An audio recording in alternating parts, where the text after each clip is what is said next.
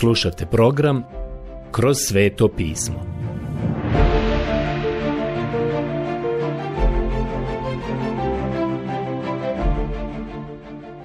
Knjiga Mudre izreke Odlomak Mudre izreke Poglavlje 22 od 28. stiha do poglavlja 23 35. stiha Prijatelji, danas se vraćamo na 23. poglavlje. Ali nažalost, prošli put sam samo projurio kroz 22. poglavlje i samo sam izdvojio neke važnije izreke. Sada želim izdvojiti još jednu važnu stvar, a onda ću odmah nakon toga prijeći u 23. poglavlje i onda ćemo nastaviti naše proučavanje. Sada se vraćamo u 22. poglavlje u 28. stih. Čitam. Ne pomiči prastare granice koju su postavili već tvoji djedovi. Mudre izreke 22.28. Dakle, kada je Bog postavio Izraelce u obećanu zemlju, on ne samo da je dao izraelskom narodu tu zemlju, nego mi ponekad zaboravljamo da je on svakom plemenu dao određeni dio u toj zemlji. I dao je svakoj porodici u svakom plemenu određenu parcelu zemlje. I oni su trebali postaviti određene granične oznake. Uglavnom je to bilo kamen, takozvani međaši. Dole ispred moje kuće na pločniku postoji mali bakarni krug na jednom kraju moje parcele i mali bakarni krug na drugom kraju parcele. Tako da znate gdje počinje i gdje završava. Ja znam da je to stavljeno tamo još kada je to bio nasad avokada i da je tamo stavljeno kada je napravljena podjela na parcele. I to je učinjeno kako bi se osiguralo da ja ostanem unutar svoje parcele. Bog je dao ovu izjavu u vezi sa svakom parcelom zemlje u ponovljenom zakonu, u 19. poglavlju, u 14. stihu. On kaže, ne pomiči granice svog susjeda, što je povukoše stari na tvojem posjedu, što ćeš ga dobiti u zemlji koju će ti gospodin Bog tvoj dati da je zaposjedneš. Kao što znate, čovjek može onda kada niko ne gleda i možda njegov komšija stari i njegov vid slabi. Čovjek jednostavno može da pomjeri taj kamen međaš, pa da dobije još dva metra na svojoj parceli. Bog ovdje kaže da se to ne smije činiti. Naravno, jer to bi bilo sasvim nepošteno. Mi sada imamo prekrasnu duhovnu primjenu ovoga. I pomislit ćete da sam zaista kockast kada kažem ovo šta ću sada reći. Vjerujem da smo vidjeli kako su velika obilježja kršćanske vjere uklonjena, a uklonjena su od strane onoga što se nekad nazivalo modernizmom. Danas se to zove liberalizam, a zbog tog liberalnog stajališta ljudi danas kažu ovaj stari orijentir, međaš, ta doktrina koja se poučavala u Pavlovo vrijeme više nije relevantna, jer mi smo danas vrlo pametni. Mi smo vrlo pametni ljudi, toliko smo toga već naučili. Dakle, ne trebamo nauku o potpunom nadahnuću svetog pisma možemo to riješiti i sami i ukinut ćemo nauku o Kristovom božanstvu. Sada su istaknute doktrine kršćanske vjere prilično promijenjene i prilagođene od strane velikog broja starih denominacija na temelju toga da moramo biti usklađeni sa modernim trendovima. Sada želim reći sljedeće. Umjesto što se krećemo naprijed i uklanjamo stare međaše, moramo se početi kretati unazad i vratiti se mnogim starim međašima. Uklonjeni su stari međaši, ali ne mislim na one koji se nalaze na zemlji. Ti međaši i orijentiri koji su na zemlji lako se mogu ukloniti i pomjeriti. Čini mi se da oni koji ih uklanjaju prilično dobro obavljaju svoj posao i precizno označavaju neke nove parcele. Mislim na međaše i orijentire moralnih vrijednosti duhovnih istina, biblijskih temelja. Sve to je uklonjeno. I sve što danas trebate učiniti jeste pogledati oko sebe i sami ćete čuti kako svako iz svog ugla govori šta on smatra rješenjem. I uvijek se smisli neko rješenje. Očigledno se niko ne pojavljuje sa nekim biblijskim rješenjima. Ne na televizijama koje ja gledam. Nikada i niko ne dolazi sa biblijskim rješenjima kažem da se moramo vratiti dobrim starim međašima i orijentirima koje smo imali na početku i to će nam dati uputstvo u kom smjeru da idemo. Ovo 22. poglavlje se završava jednom veoma lijepom riječi kojom se pohvaljuje čovjek koji je vrijedan. Vidiš li čovjeka koji je vješt u svom poslu? Pred kraljevima će još stajati. On ne treba služiti prostacima. Mudre izreke 22.29. Drugim riječima, Bog kaže da će nagraditi i namjerava nagraditi čovjeka koji je marljiv. Sjećate se onoga za što je gospod Isus pohvalio i zašto će pohvaliti ljude u vječnost. On će da kaže, pravo, slugo dobri i vjerni. Evanđelje po Mateju 25.21. Bio si vrijedan, to neće imati veze sa količinom posla koji ste obavili. To neće biti broj ljudi sa kojima ste razgovarali. Neće imati veze sa tim koliko ste naporno radili. Imaće veze sa onim koliko ste bili vjerni onome na što vas je Bog pozvao. Na primjer, neka žena ima malog sina. On joj je povjeren i ona mu je posvećena kao majka. Mojsjeva majka je bila takva i zbog toga je nagrađena i to je zapisano u riječ Božju. Vidimo da je to ono za što će Bog nagraditi ljude. Onaj čovjek koji se pokaže vjeran, bit će nagrađen. To je ono što trebamo imati na umu. Da li se sjećate da je apostol Pavle to rekao ovako?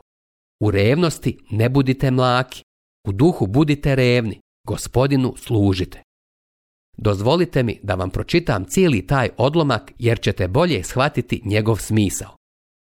Bratskom ljubavlju ljubite jedan drugoga, poštovanjem jedan drugoga pretječite.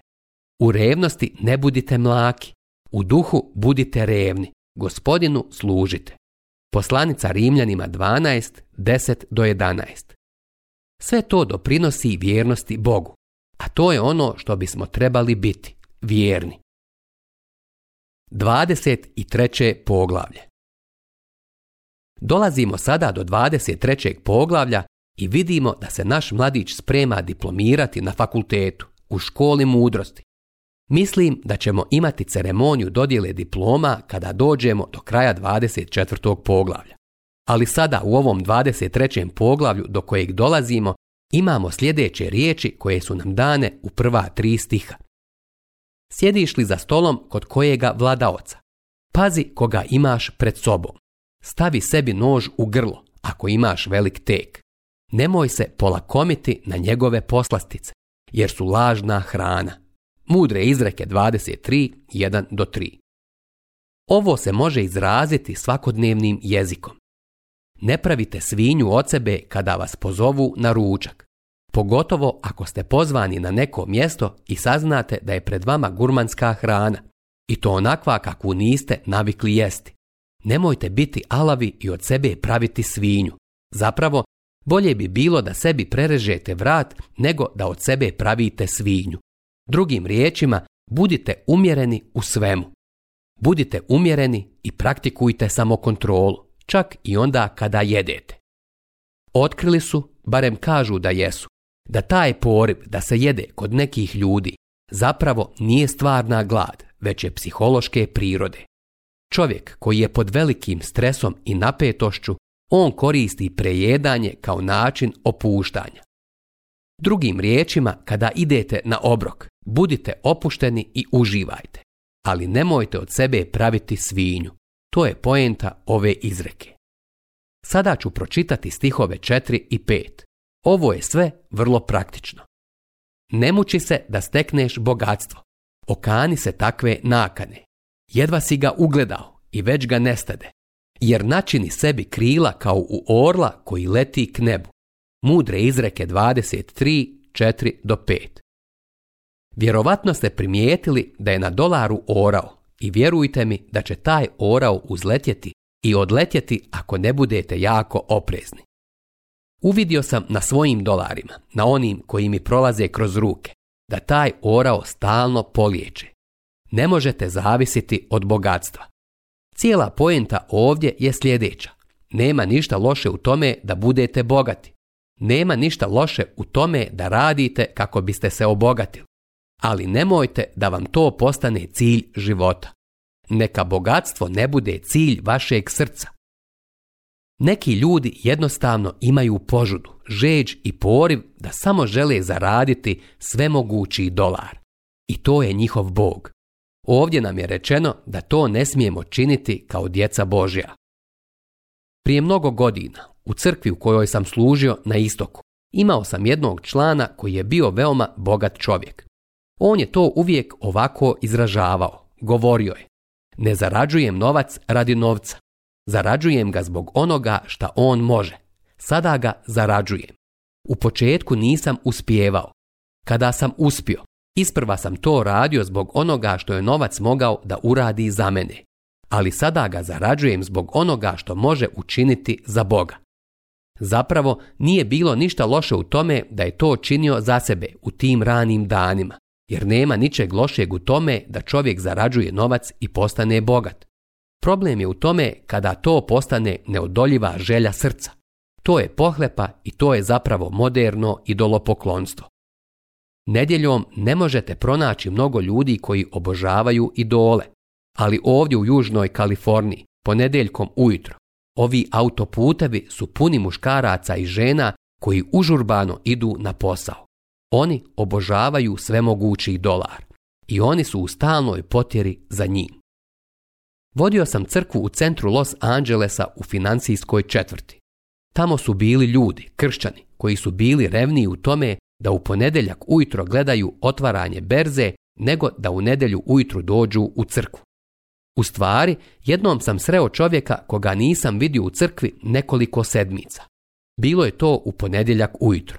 On je bio na putu do mešetara gdje je mogao pratiti šta se dešava na berzi. I tada je sreo mene. Bio je vrlo srdačan. Rekao mi je kuda je krenuo i šta će raditi. A ja sam mu rekao, nedostajao si nam u crkvi. On mi je na to odgovorio. Znaš, nisam se baš osjećao dobro.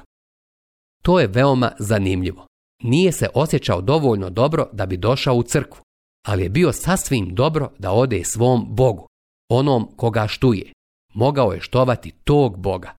To je pohlepa. I to je ono o čemu se ovdje govori u pomenutoj izreci.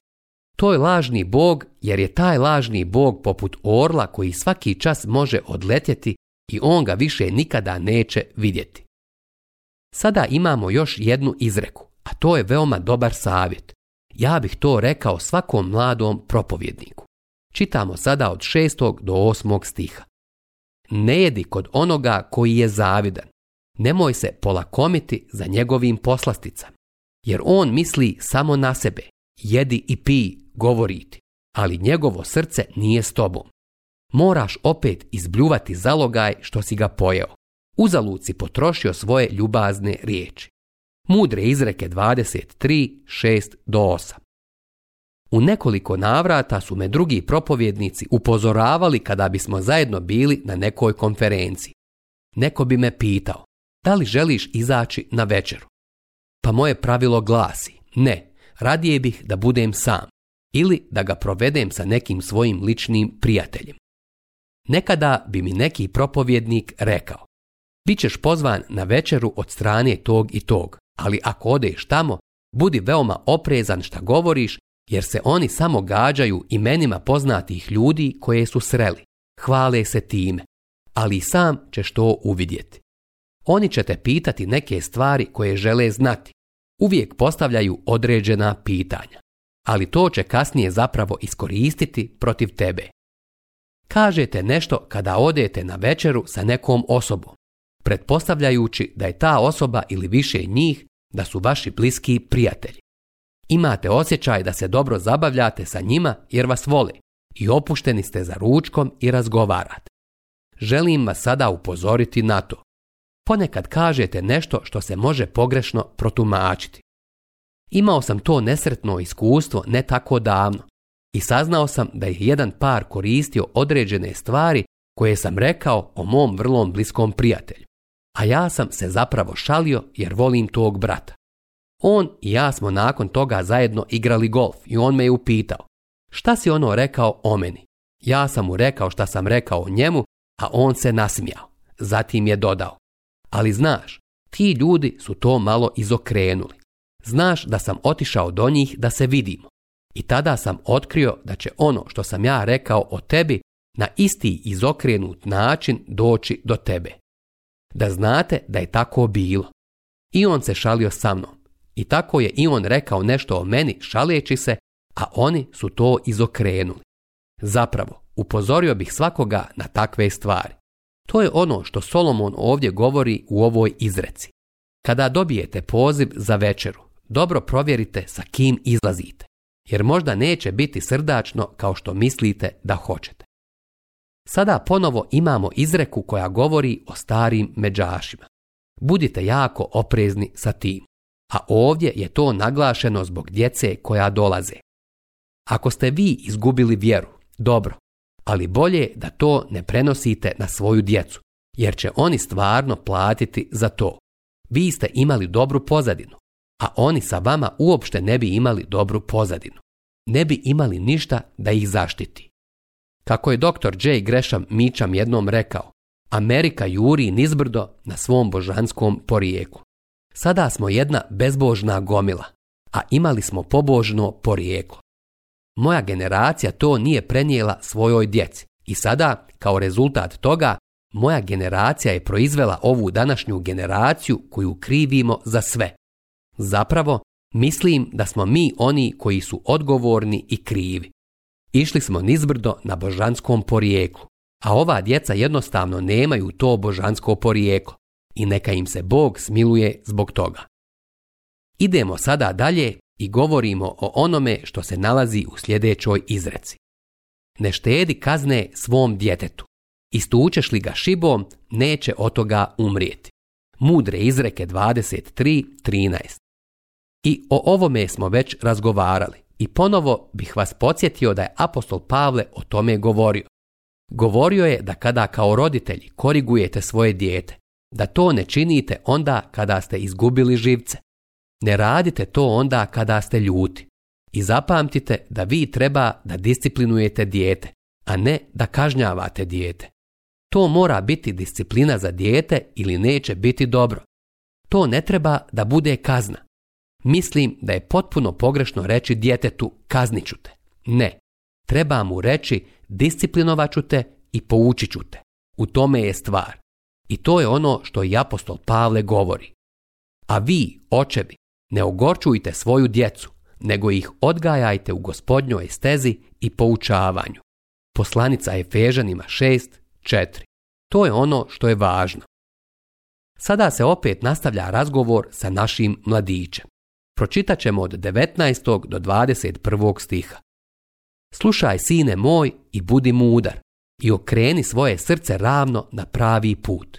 Ne budi među pijanicama i izjelicama jer pijanica i izjelica osiromaše i pospanost odjeva u prnje. Mudre izreke 23, 19 do 21. Budite veoma pažljivi u kakvom se društvu nalazite. Ptice koje imaju isto perje se drže zajedno, a zli saputnici od kakve su oni koristi. Oni proizvode zle manire, zar ne? To je ono na što je naš mladić ovdje upozoren. I ponovo se vraća na ovo. Naš mladić je spreman završiti fakultet i rečeno mu je. Slušaj oca koji ti je dao život. Ne preziri svoje majke kad ostari. Mudre izreke 23.22 U ovom 22. stihu se govori da vaši roditelji stare. Vaš otac je možda krut i možda postaje senilan. Ali prijatelji moji, otac ima mnogo više razuma od nas ako želite znati primjer i ilustraciju za ovu izreku, sjetite se Apšaloma. Kada biste danas samo mogli razgovarati sa njim, on bi vam rekao da je njegov otac imao više razuma od njega. Mislio je da se može pobuniti protiv Davida. David je bio kao ratni konj. Kada je Apšalom krenuo u rat protiv Davida, jako je pogriješio. Nikada nije trebao napustiti Jerusalem jer je David znao kako da se snalazi na bojnom polju. I to je bilo kobno za Apšaloma. Bilo bi dobro da je poslušao svoga oca, iako David nije bio najbolji otac, ali sigurno je mogao savjetovati tog dječaka o bojnom polju. Pročitat ćemo sada stih 23. Stekni istinu i ne prodaji je, stekni mudrost, tegu i razboritost. Mudre izreke 23.23. 23. Stekni istinu i ne prodaji je. A danas se ovo poriče i ljudi govore da ne morate steći istinu. Dođite i kupite bez novca i bez cijene. Kupite vino i kupite mlijeko i kupite vodu. I učinite to mudrošću. Pogledajte knjigu proroka Izaije 55.1. A Krist predstavlja sve to za nas danas za nas koji smo Božja djeca. Kažem vam, ovo je zaista divno. Bio je jedan briljantan mladić i volio bih da je on ovdje da vam to kaže. Ali rekao nam je, zar ne? To je bio Pavle. Prvobitno je bio rabin Savle, sjećate li se? Bio je veoma pametan mladić. Pavle je rekao, od njega ste vi u Kristu Isusu koji nam je postao mudrost od Boga pravda, posvećenje i otkup. Prva poslanica Korinčanima 1.30. Kako divno! Čitam sada 26. stih. Daj mi svoje srce, sine moj, neka se moji putovi svide tvojim očima. Mudre izreke 23.26. Znam da će neko sada reći, doktore Megi, čuo sam da kažete da Bog ne želi vaše staro, prljavo i pokvareno srce. Još uvijek to govori, ali on ovdje kaže, sine moj, daj mi svoje srce. Bog ne razgovara više sa nespašenim čovjekom. Razgovara sa svojim sinom. On razgovara sa onim koji je nanovo rođen, sa onim koji je dobio novu prirodu. Sada Bog kaže, želim da dođete k meni i želim da mi se prepustite. Ako me ljubite, čuvajte moje zapovjedi. Ukoliko ste zaljubljeni u njega, on vam kaže, dajte mi svoje srce. Ako niste, onda zaboravite. Mislim da bi to bile njegove riječi. Ako ste otkupljeni Kristovom krvlju, možete reći Uzmi moje jadno srce i učini da bude zauvijek zatvoreno za sve osim za tebe. Uzmi moju ljubav, moj gospode, koju izlivam pred tvojim nogama gdje se nalazi skladište blaga.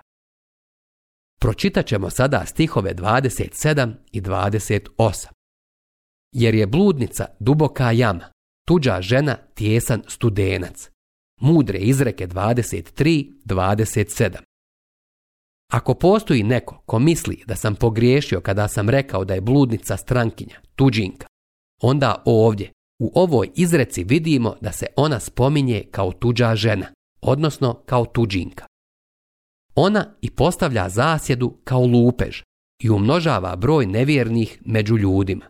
Mudre izreke 23-28. Postoje dva čovjeka koji su dokaz za ovo. Juda. Vraćamo se nazad u knjigu postanka. To je tužno poglavlje koje govori o njemu kada je otišao kod bludnice. Drugi je Samson, sjećate se. Da on može danas biti ovdje, rekao bi. Kažem vam, Otkrio sam da bludnica može dobro da te ošiša. To je ono što se njemu dogodilo. Prelazimo sada na stihove 29 i 30. Tko uzdiše, tko jauče, tko se svađa, tko se brine, tko ima rane ni zašto, tko ima mutne oči, koji kasno sjede kod vina, koji dolaze kušati miješano vino. Mudre izreke 23, 29 do 30. Ovdje ponovo imamo upozorenje u vezi sa vinom. I ranije smo imali upozorenja protiv vina i žena, jer to na kraju bude kobno. Ali poslije ujede kao zmija i ubrizga otrov kao ljutica. Ti si kao jedan koji leži usred mora, kao jedan koji sjedi gore u košu jarbola. Mudre izreke 23, 33 do 34. Mogu reći da ovo upozorenje protiv vina i žena zvuči otrežnjujuće jer govori o tome kako poslije sve bude kobno i pogubno. Kakva sjajna izreka.